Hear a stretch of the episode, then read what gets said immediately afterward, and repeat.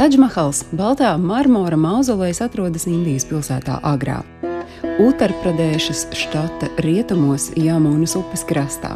Šī pasaules slavenā celtne ir viens no lieliskākajiem mogulu arhitektūras piemēriem, un tas ir arī spilgts apliecinājums divu cilvēku mīlestībai. To savas dzemdībās mirušās sievas Mumtāzes Mahālas mūžīgai piemiņai sērojot uzbūvēja imperators Šahs Džahāns. Šahs Džahāns pats tronī kāpa 1627. gadā, bet kļuvis par lielo mogulu, nogalināja savus brāļus un arī citus radiniekus, lai izvairītos no troņa tīkotājiem. Bet Šaha valdīšanas laiku uzskata par mogulu impērijas uzplaukumu. Mumtāza Mahāla bija Šaha Džahāna otrā sieva. Viņa esot bijusi ne tikai skaista, bet arī gudra un ļoti sirsnīga. Viņa nepagurusi rūpējusies par sabiedrību, tolaik, piemēram, uzmanījusi, lai atraitnes un bāriņi būtu nodrošināti.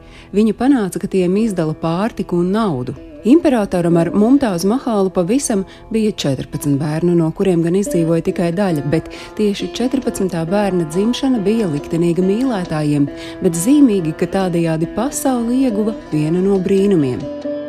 Mumtāza būdama gaidībās sekojusi līdzi vīram kara gājienā un teltī karaspēka nometnes vidū aizritēja dzemdības, kas sākotnēji šķita veiksmīgas, taču dažas stundas pēc veselīgas meitenītes nākšanas pasaulē, agrā 17. jūnija rītā, Mumtāzes dzīvība izdzisa vīra rokās.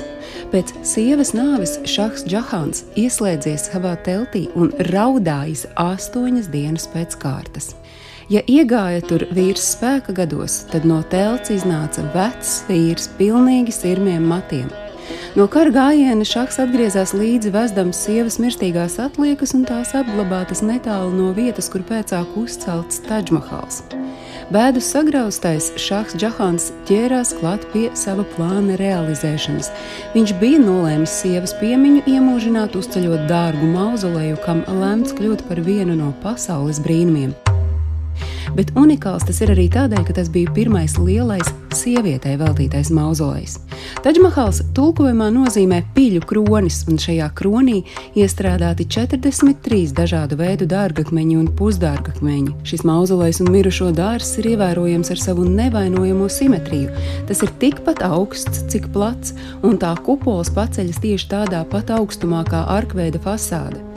Taģmahala dārgie celtniecības materiāli, ideālā proporcija, harmonija un sarežģītie rotājumi simbolizē Mogulu impērijas bagātību un tās valdnieku izsmalcināto gaumi. Kompleksu veido pieci elementi - galvenie vārti, dārs, mošeja, džavaps un pats mauzolejs ar četriem minaretiem. Pie celtniecības darbiem strādāja vairāk nekā 20 tūkstoši strādnieku no Indijas, Persijas, Osmaņu impērijas un arī Eiropas. 17 hektāru plašais komplekss pilnībā tika pabeigts pēc 22 gadiem. Taģmahalu saista ar dažādiem arhitektiem, taču par galveno uzskata persiešu izcelsmes indieti Ustadu Ahmadu Lahaurī. Leģenda vēsta, ka Tiklīdz celtniecības darbi bijuši galā, imperators pavēlējis arhitektam nocirst rokas un izdurt acis, lai viņš nekad vairs nevarētu uzcelt ko līdzīgu. Kad Šaks Džahāns nespēdams samierināties ar sievas nāvi atteicās no troņa, to pārņēma viņa vecākais dēls, kurš savukārt baidoties no tēva popularitātes tautā ieslodzīja viņu cietumā. Liktenīgi, bet pa cietuma torņa logu bija redzams Taģmahāls, un tas arī bija pēdējais, ko Šaks Džahāns redzēja pirms savas nāves.